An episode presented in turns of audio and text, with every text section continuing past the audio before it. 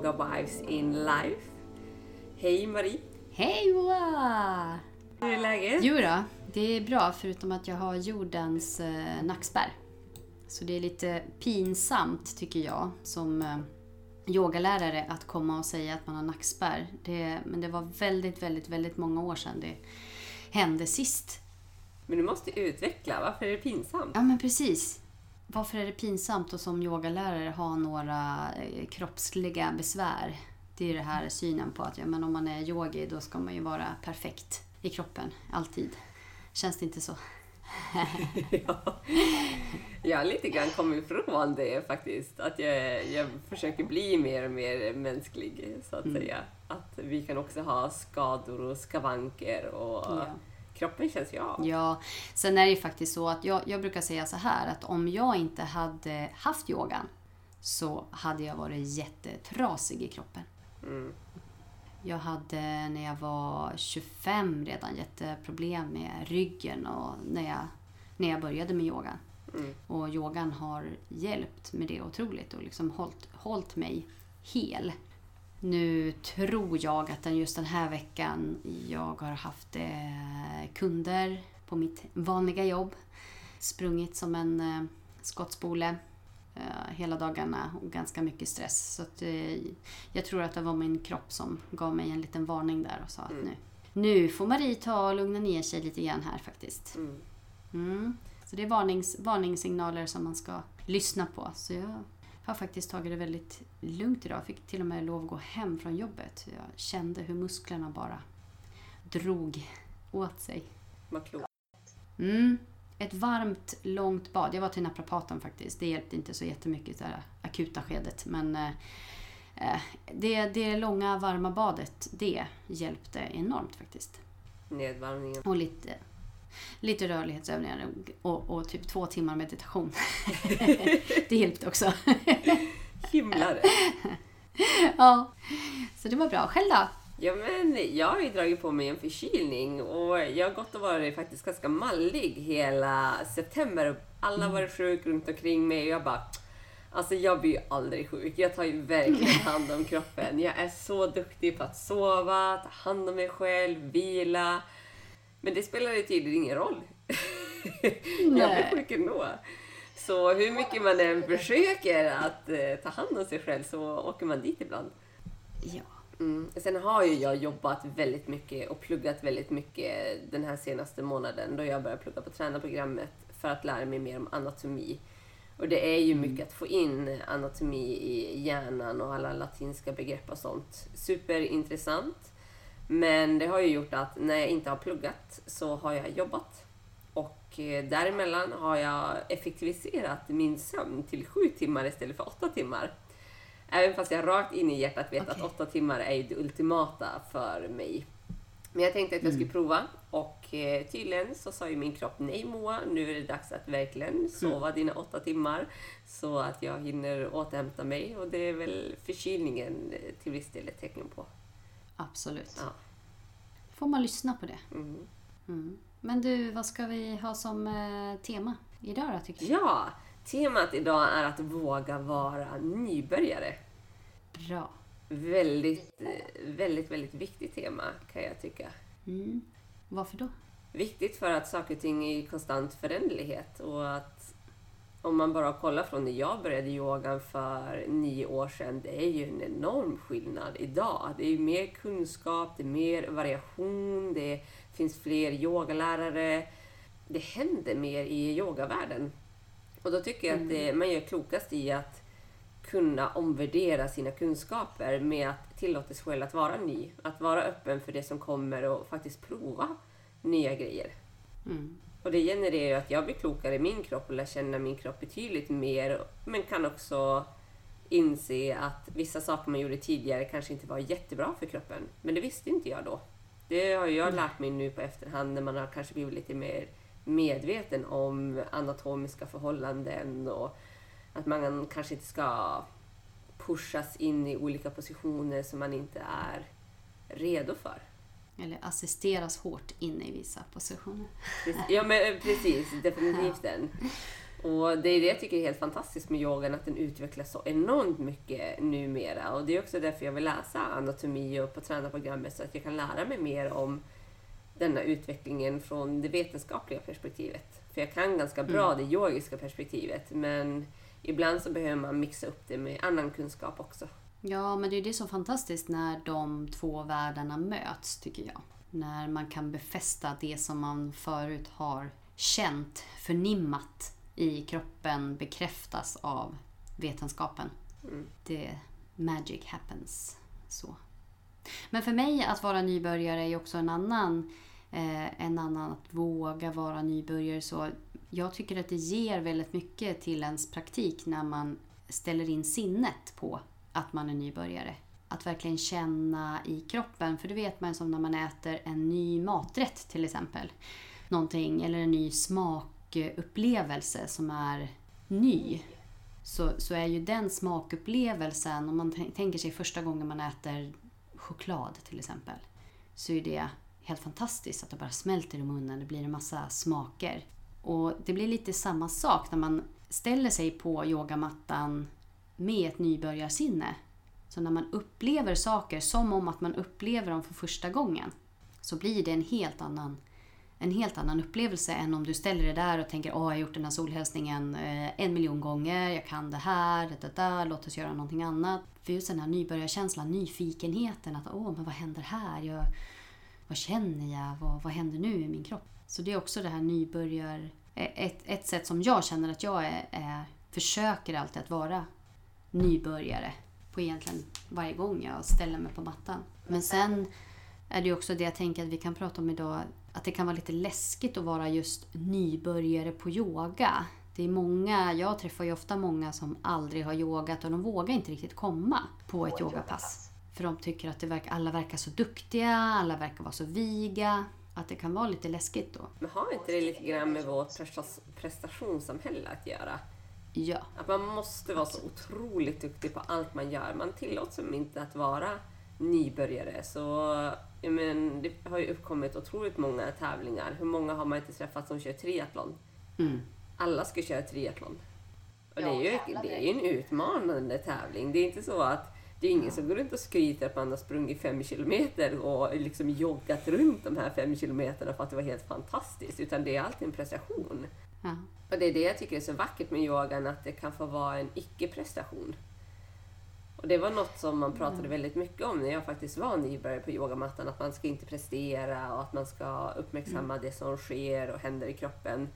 Och att under de här nio åren har jag nästan blivit matad med det. Att känna efter, uppmärksamma, låt varje ny praktisering få ta dig dit du tar. Utan att behöva ha några speciella förväntningar på vad det ska generera. Och det tar ju lång tid innan man kan börja lyssna in sina egna signaler.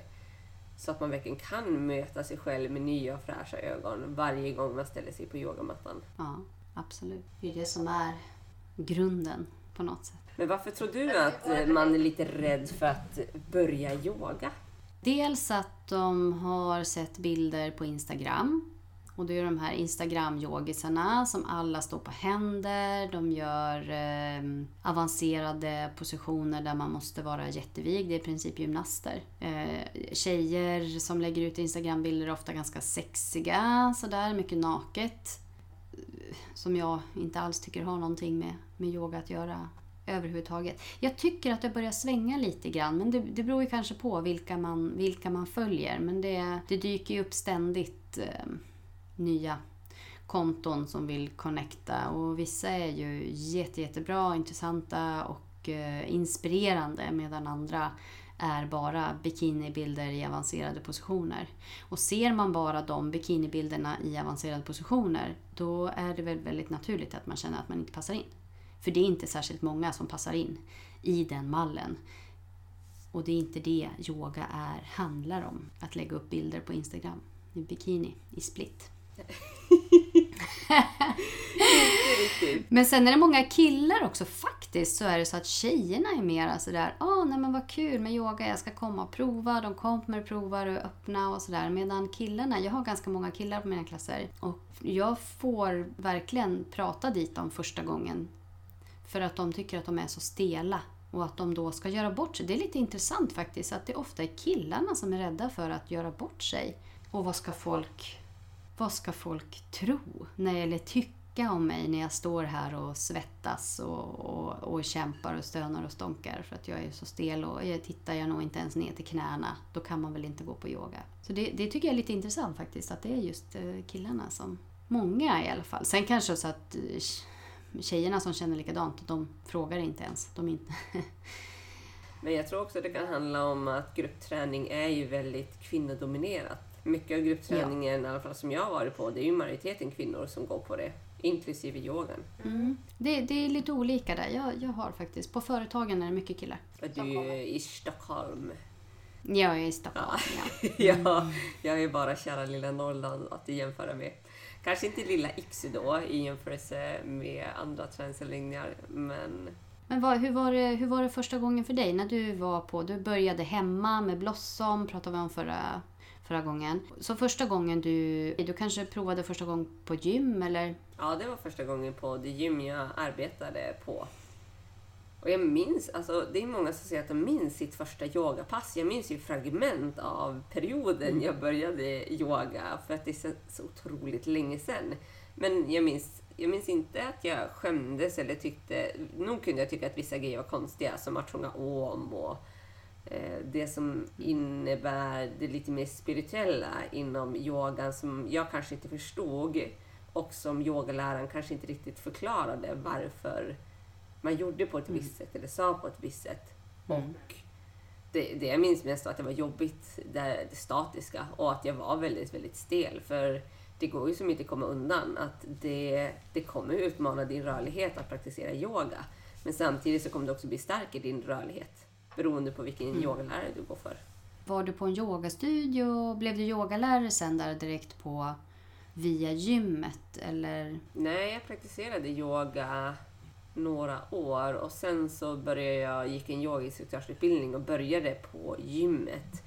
Och sen mm. så skulle jag också börja på en yogastudio senare med tanke på att jag höll på med ashtanga. Och i ashtanga-yogan så blir man ju ofta en lärling till en annan lärare. Så man blir som upplärd hur man ska göra, tänka, bemöta, assistera och så.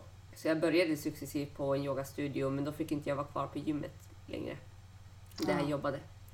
Och i samma mm. veva så åkte jag iväg till Österrike några månader och sen när jag kom hem, Just det var då jag började på IXY och yogastudion samtidigt. Mm. Eh, just det där att komma in på, ja, men på ett gym kanske där man är... Det är även en, en ganska utsatt situation när man kommer in på ett nytt ställe som man aldrig varit på förut och speciellt om det är då en, en träningsform. Oavsett vad det är så kan man känna sig lite osäker. Mm. Som nybörjare, var ska jag ta vägen? Ska man byta om redan innan? Vad är det för nivå? Kommer jag att klara av det här? Kanske lite enklare när man då har varit på ett gym och så kliver in på en yogaklass på ett gym. När man kommer till en studio första gången så tycker jag det är självklart att man ska, men där är det ofta lite mindre. Du, du har inte lika många klasser. Det blir eh, många stammisar som känner sig som, som hemma.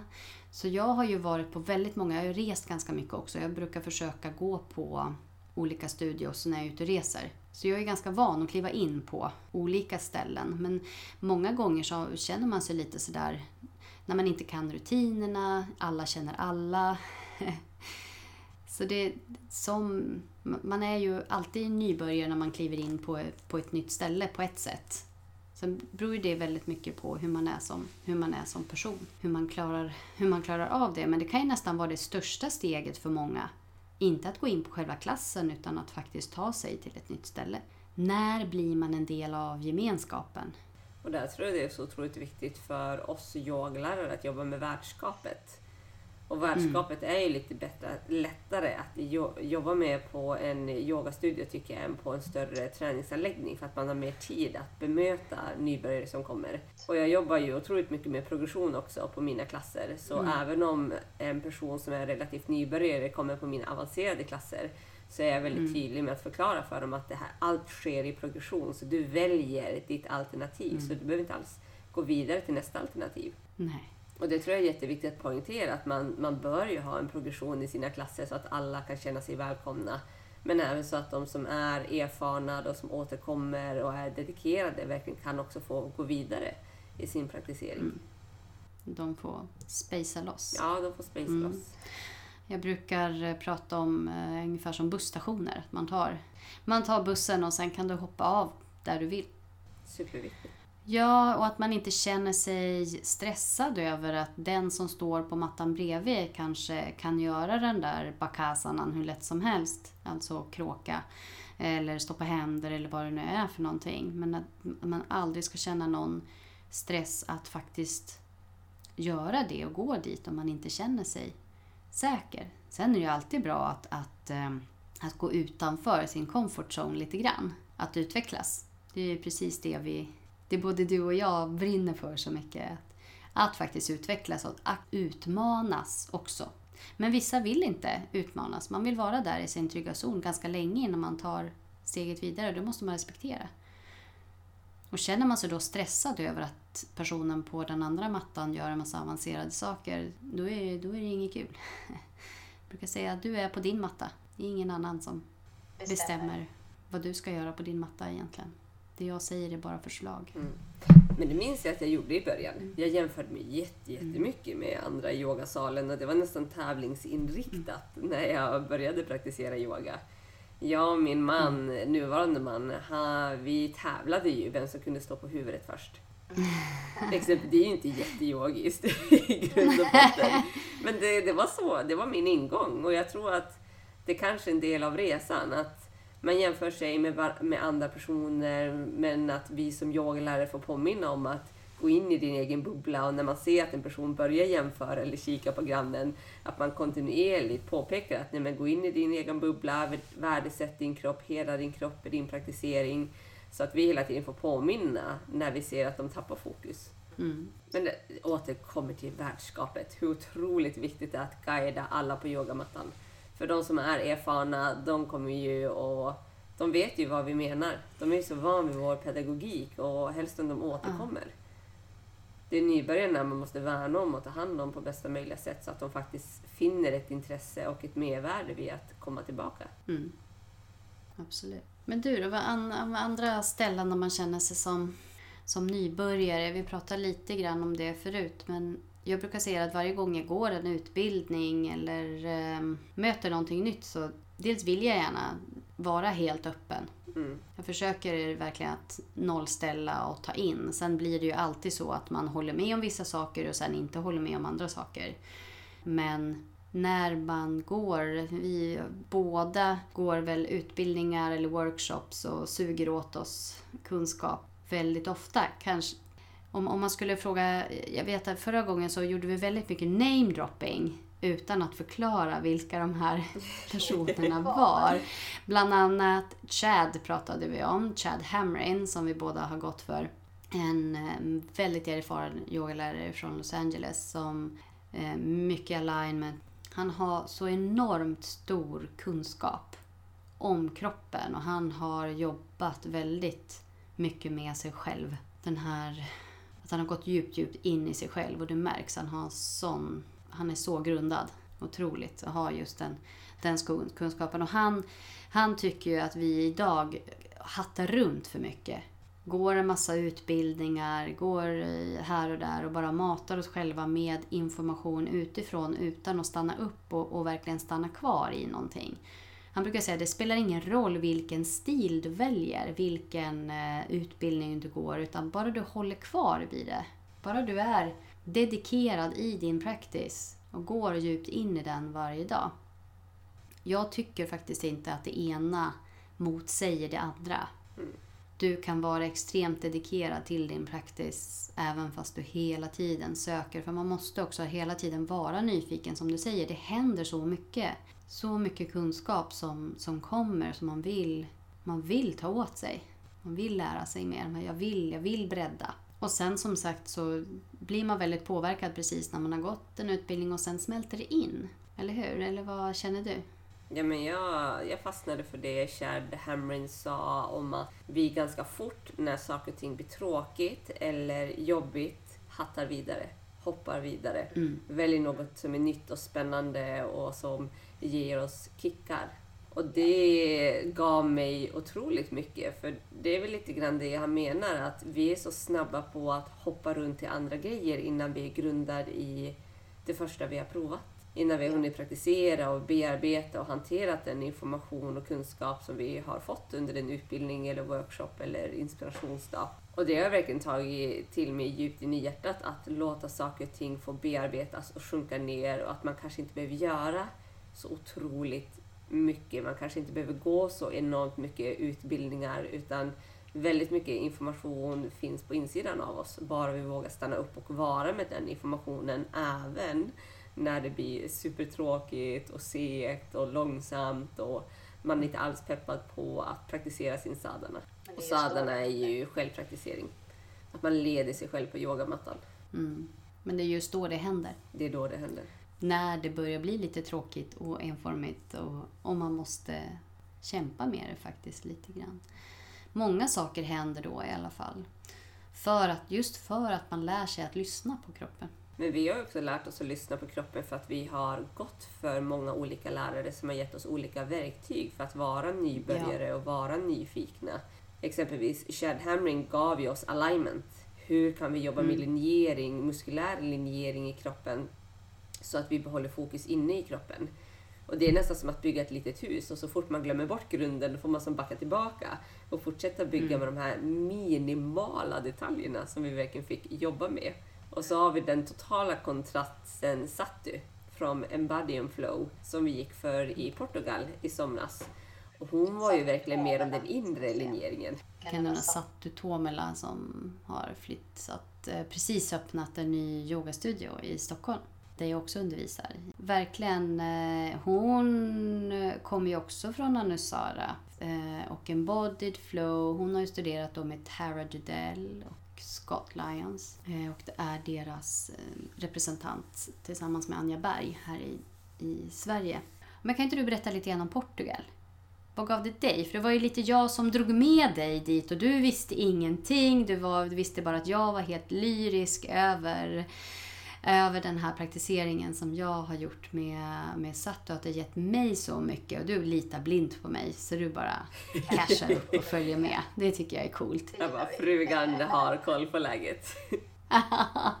Men vad, vad, hur var din upplevelse då? För du hade ju faktiskt, du chansade ju bara egentligen och lita på mig. Man måste ha förtroende för sina nära och kära. Men eh, det du berättade var väldigt spännande, även om det för mig där och då lät väldigt flummigt. Och då insåg jag att nej men, om det låter så flummigt och så konstigt, då bör jag kanske prova det här.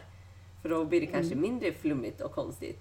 Och en av de första övningarna vi fick göra där, jag fick ju nästan jag blev skräckslagen eh, på insidan. Även om du berättade att det syntes inte så var jag inte alls så avslappnad som det kanske såg ut att göra.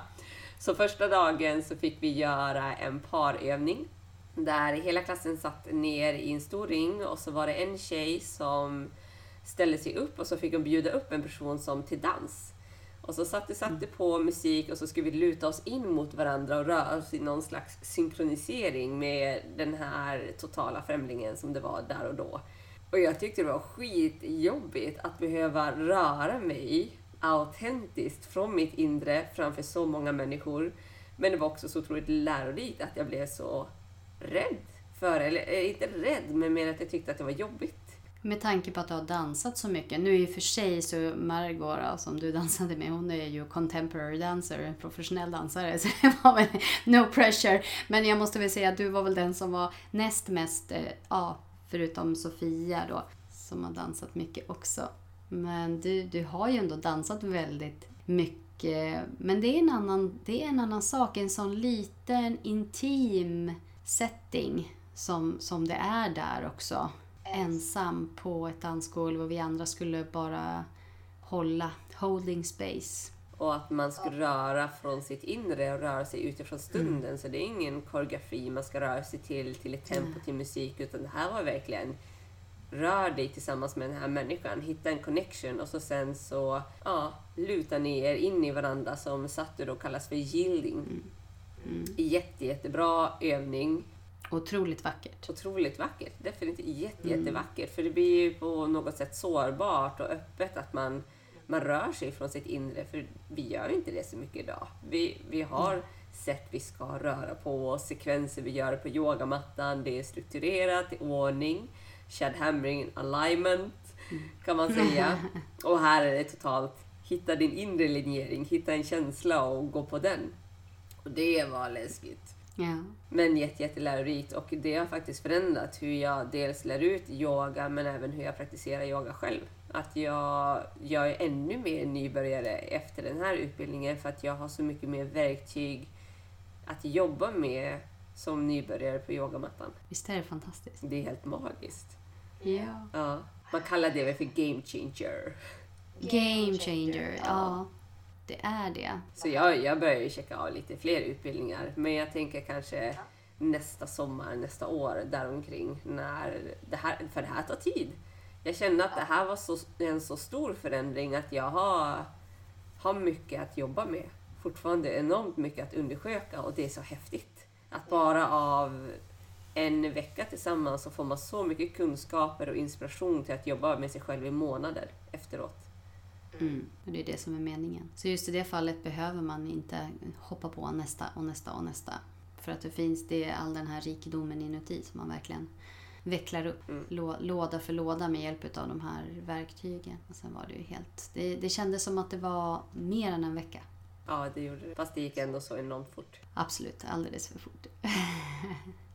Men vi kommer dit igen. Jag satsar på nästa. Fortsätta nästa sommar. Hearts. Fast den hade du redan gjort. Nej, gjort Depth. Var det? Ja, det är 300, eh, 300 timmars advanced teacher training totalt. Så då är det tre, tre stycken 100 timmars. Just det. Igen, Den där veckan vi var mer än 100 timmar. Känns det som. Det var från tidig morgon till sen kväll.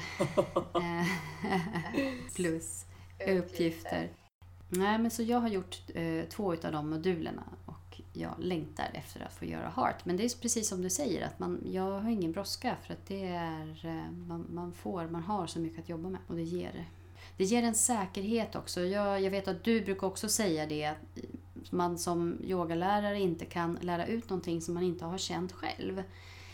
Man kan ha förståelse för andra människor, hur man har det. Till exempel om man har en hel kropp som vi vanligtvis eh, har då, inte jag idag med min eh, stackars nacke. Då får jag väldigt stor förståelse för de som kommer och har ont. Hur ont det faktiskt kan göra. Men när man pratar om upplevelser så tycker jag att det är jag skulle inte kunna undervisa någonting som jag inte har upplevt själv. Eller säga, nu kommer du att känna så här eller något. Det vet man ju inte heller. Alla känner vi ju olika saker. Men så jag kan ju bara undervisa utifrån min egen erfarenhet och vad jag har upplevt. Och försöka guida dit. Mm. Hur känner du? Samma sak. Det, det, det är ju som så att du pratar om väldigt mycket Authentic Tribe som Mm. deras företag, eller hennes företag heter kanske. Eh, Authentic Flow Tribe. När hon, sin community. Mm.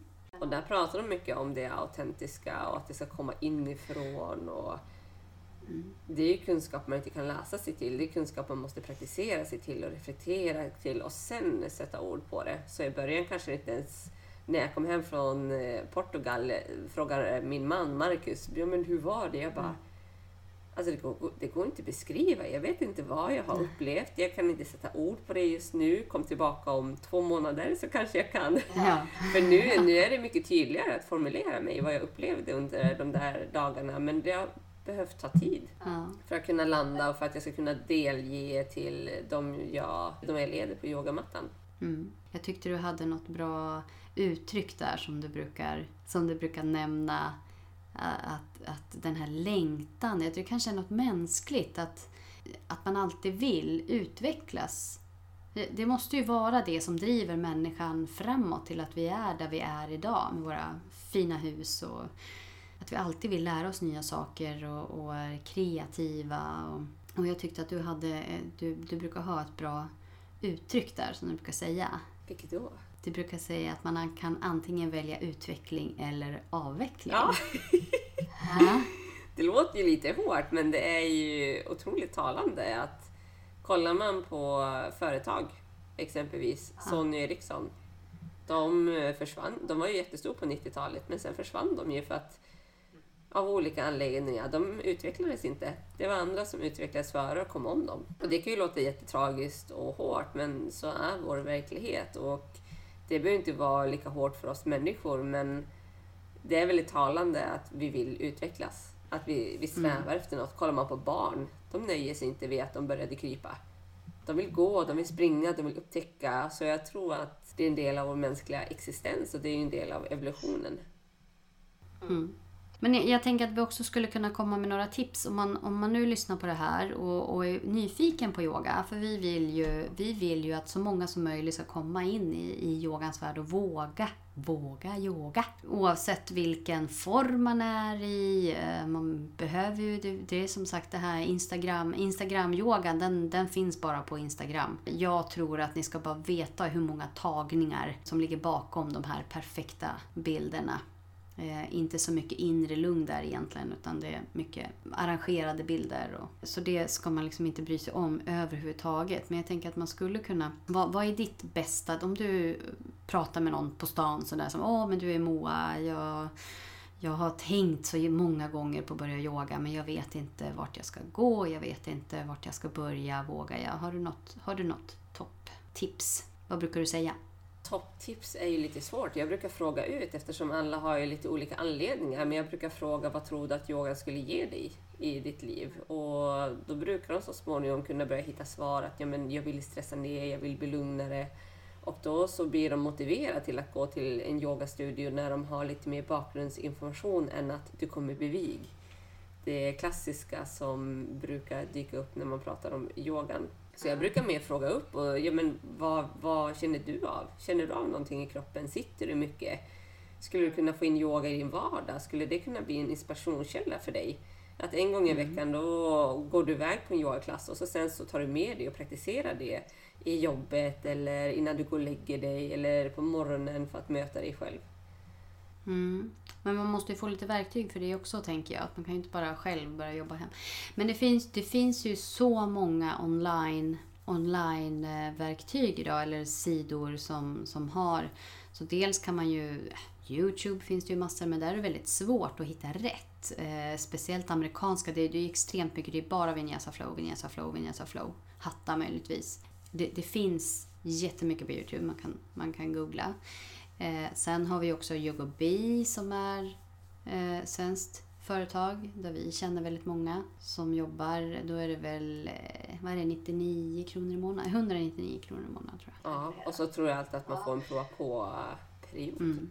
Det finns Yoga Glow som är då på engelska. Där finns bland annat Tara Judell, det finns eh, Sally Kempton för mycket meditation. De har, de har också extremt mycket. Så det, är bara att, att, att googla om man känner sig osäker och vill testa hemma först. Innan man ger sig iväg, om man känner sig osäker och vill ge sig iväg till en, till en yogastudio.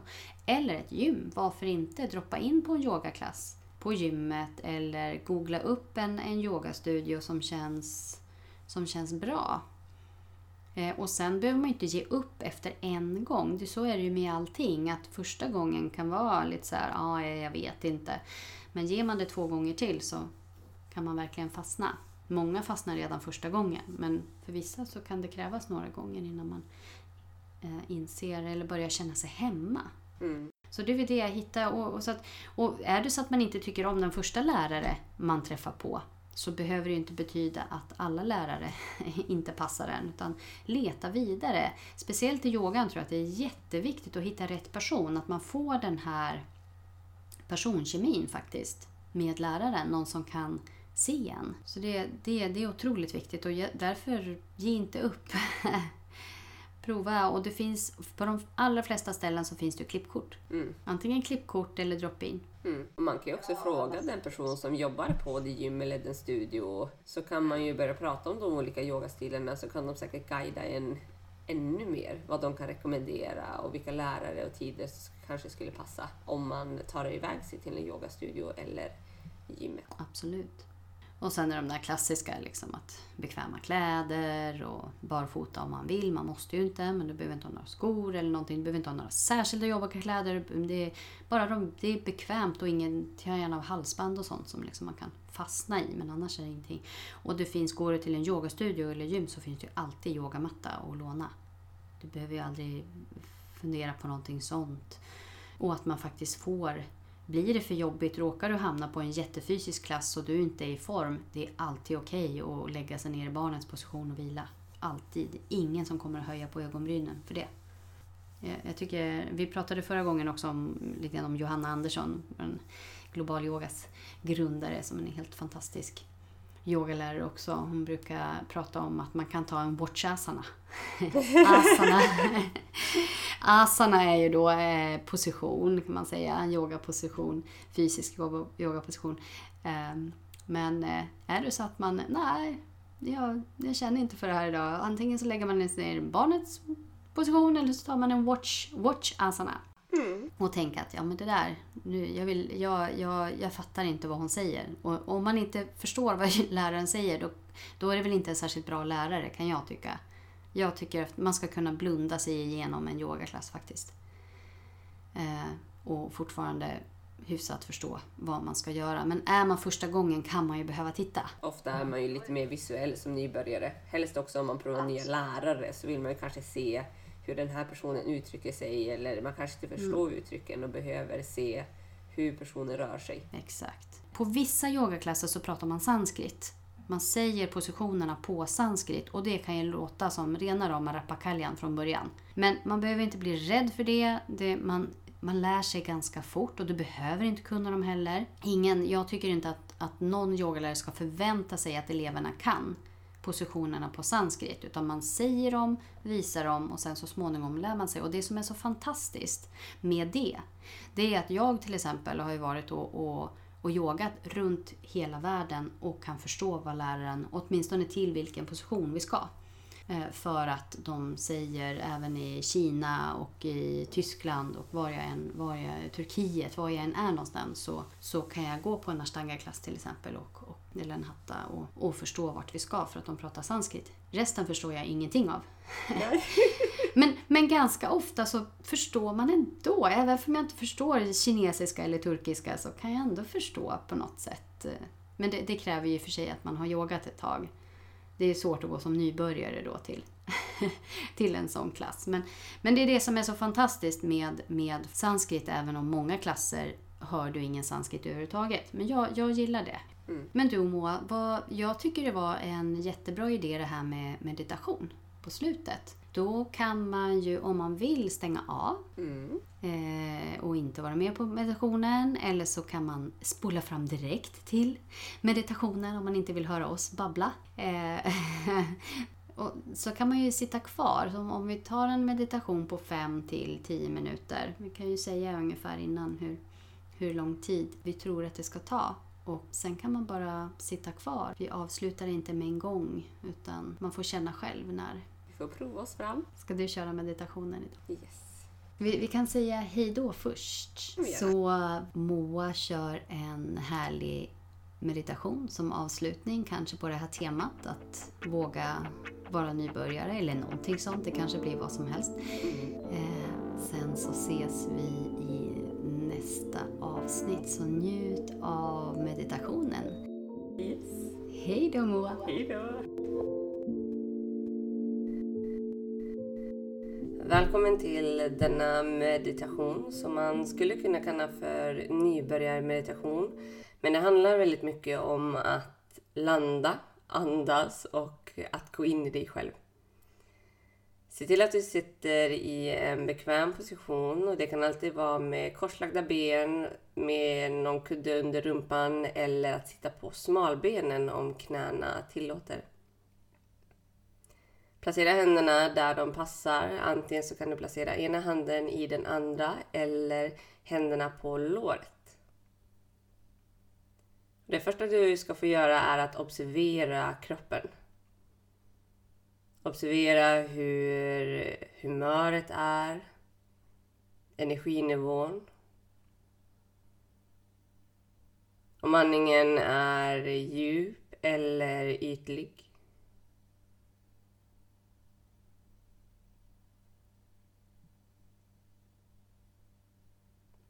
det här är saker och ting som gärna får ta tid.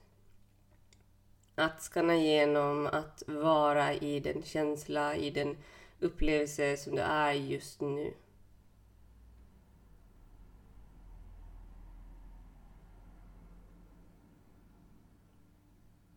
Börja sen känna av temperaturen mot huden. Om det är någon del som känns varmare.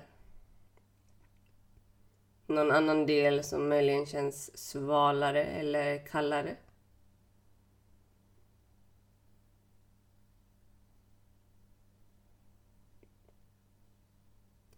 Observera temperaturen vid dina näsborrar. Att inandningen har en annan temperatur än utandningen.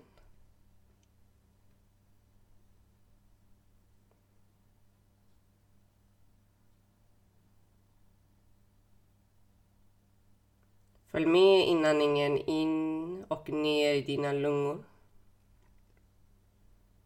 Följ med utandningen ut ur lungorna och ut ur näsborrarna.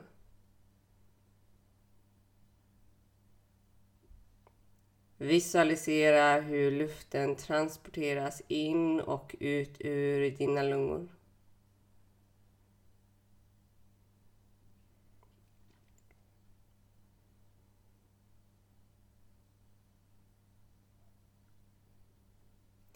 Kanske är det något som förändras när du börjar fokusera på din andning. Målet är att andningen ska få komma neutralt, att du behöver inte styra den eller dirigera den, utan endast observera.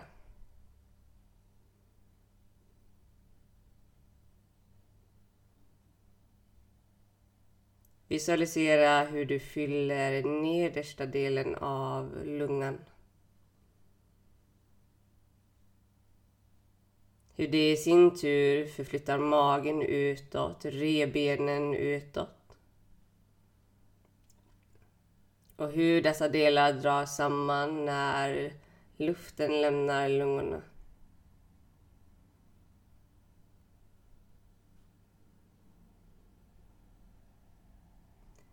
Andas med till mellersta delen av lungorna.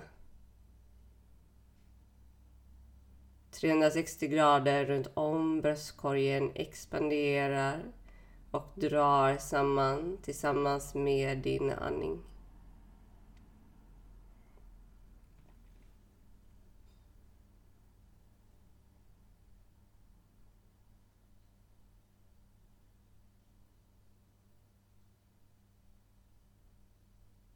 Flytta andningen högre upp i lungorna till toppen av lungorna.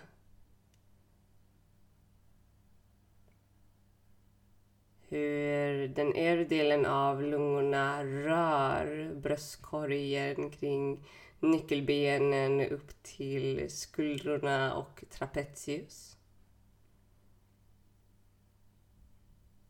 Hur både framsidan och baksidan lyfter uppåt när du andas in och sjunker neråt när du andas ut.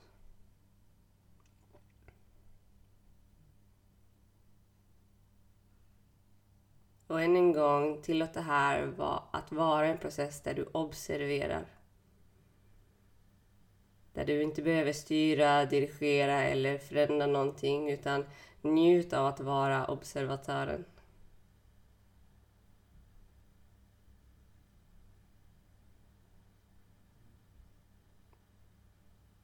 Här kan du också välja att eh, sitta kvar Observera hur andningen förflyttar sig kring dessa tre delar i dina lungor. Möjligen om temperaturen förändras vid dina näsborrar eller om den förblir detsamma.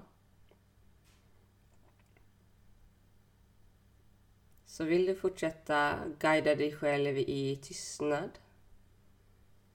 och vill du avrunda, avrunda på ett sätt som fungerar för dig.